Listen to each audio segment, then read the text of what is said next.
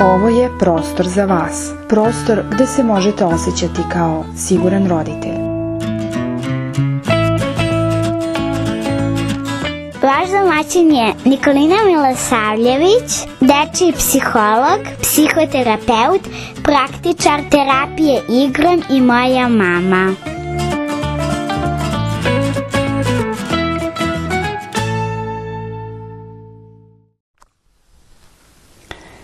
Dobrodošli u moju prvu epizodu podcasta Centra za jačanje porodice Siguran roditelj.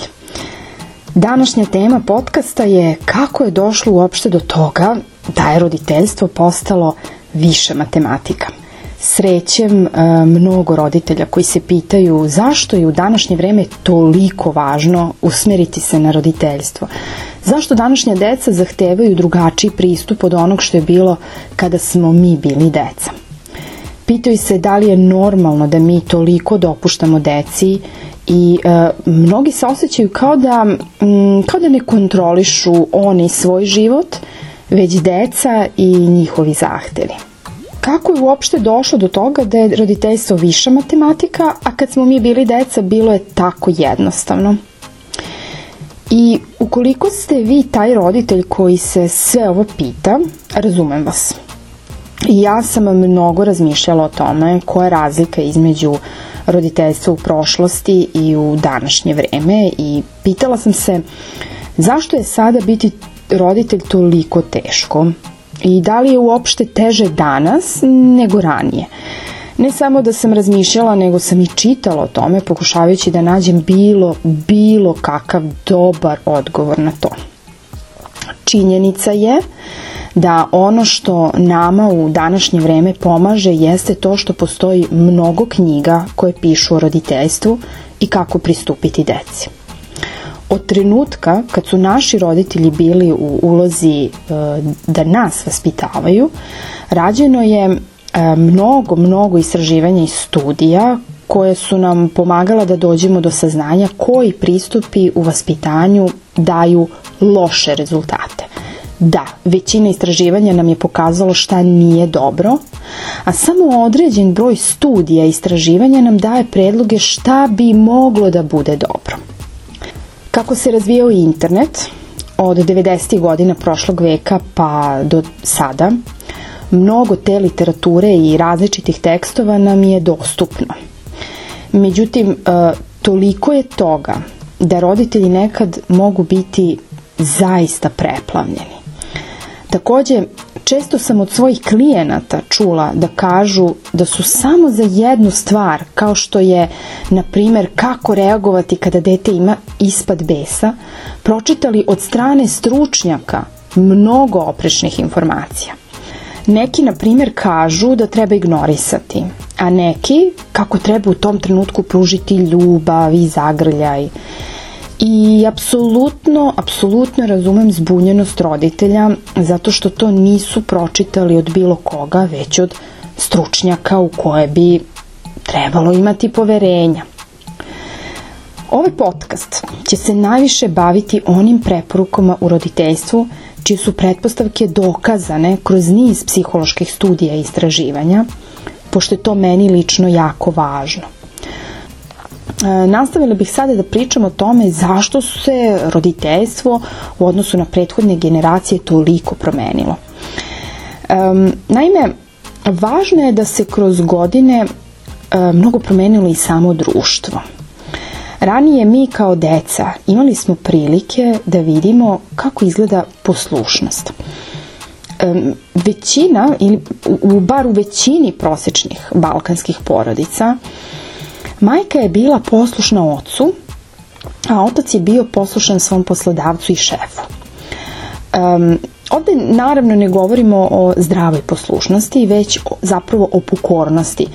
E, čak i onda kada e, ti neki autoriteti nisu bili fair i nisu bili u pravu prema njima e, i oduzimali su im to neko lično poštovanje, oni bi i dalje birali da budu pokorni, odnosno poslušni njima. Naravno, nije to kod svakog bilo tako, ali prosečno jeste. Otac je, uprkos tome što nije bio zadovoljan međuljudskim odnosima na poslu ili odnosom sa svojim šefom, ostajao na istom radnom mestu ili istoj firmi godinama. Uh, dok recimo majka koja možda nije bila zadovoljna odnosom sa svojim suprugom, partnerom i nije dobijala zasluženo poštovanje od strane partnera, ona je verovatno sve vreme ostajala sa njim u braku. Međutim, vreme se promenilo, društvo se menja, majke su postale isto tako poslovno aktivne kao i očevi to jeste žene su postajale isto tako poslovno aktivne kao i muškarci. I prosečna današnja porodica izgleda tako da oba roditelja rade i ukoliko se nekome od njih ne dopada atmosfera na poslu, mogu da jel, odu odatle i da potraže drugog poslodavca. Dakle, mnogo su veće mogućnosti danas nego što je to bilo pre 50-60 godina. Drugim rečima, Oni ne moraju nikog pokorno da slušaju. Ne moraju biti poslušni.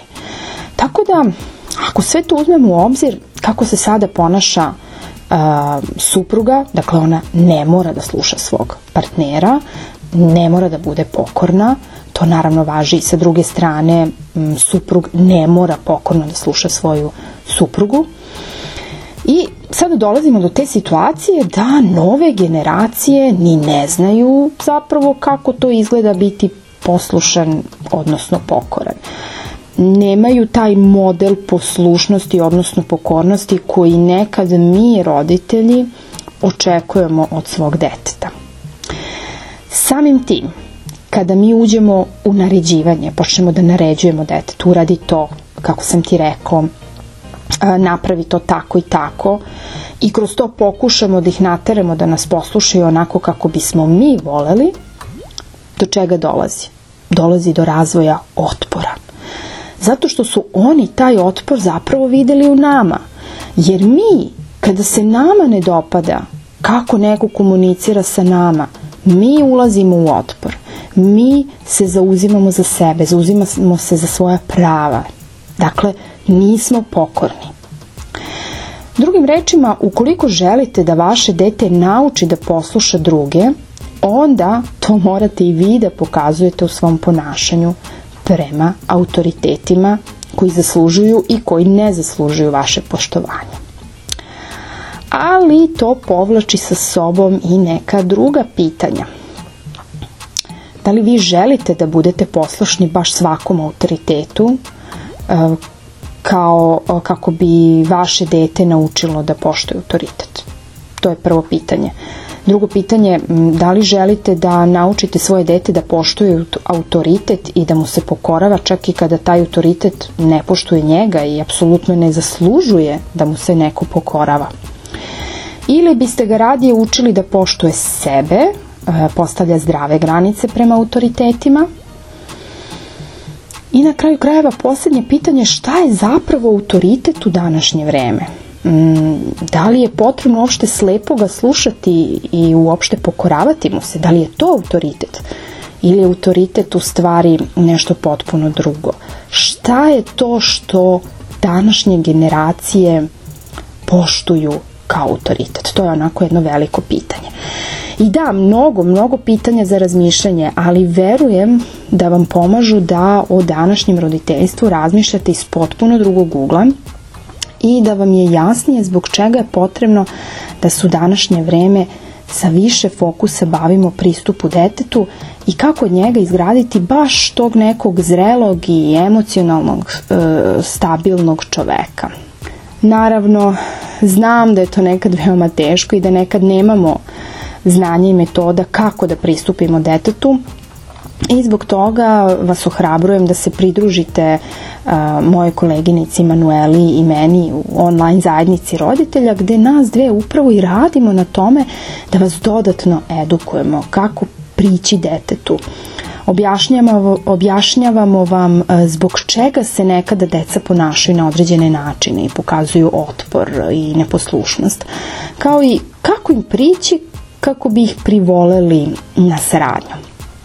Nas dve smo obe mame um, i negde svo svoje lično i profesionalno iskustvo delimo sa vama kroz video i audio lekcije uh, koje se nalaze na jednoj platformi a ukoliko vi postanete član naše online zajednice, vi dobijate pristup uh, i por, dakle dobijate pristup toj uh, platformi, a pored toga uh, dobijate pristup i zatvorenoj privatnoj Facebook grupi online zajednica roditelja gde se i ostali roditelji uključuju u diskusiju i dele neko svoje lično iskustvo uh, ovaj, uh, kada je vaspitanje i roditeljstvo u pitanju. E, ovu online zajednicu roditelja smo pokrenule kako bismo jačali i roditelje, ali celu porodicu e, da lakše prođu kroz različite, različite životne cikluse porodice i da budu jedan siguran oslonac e, svoje deci.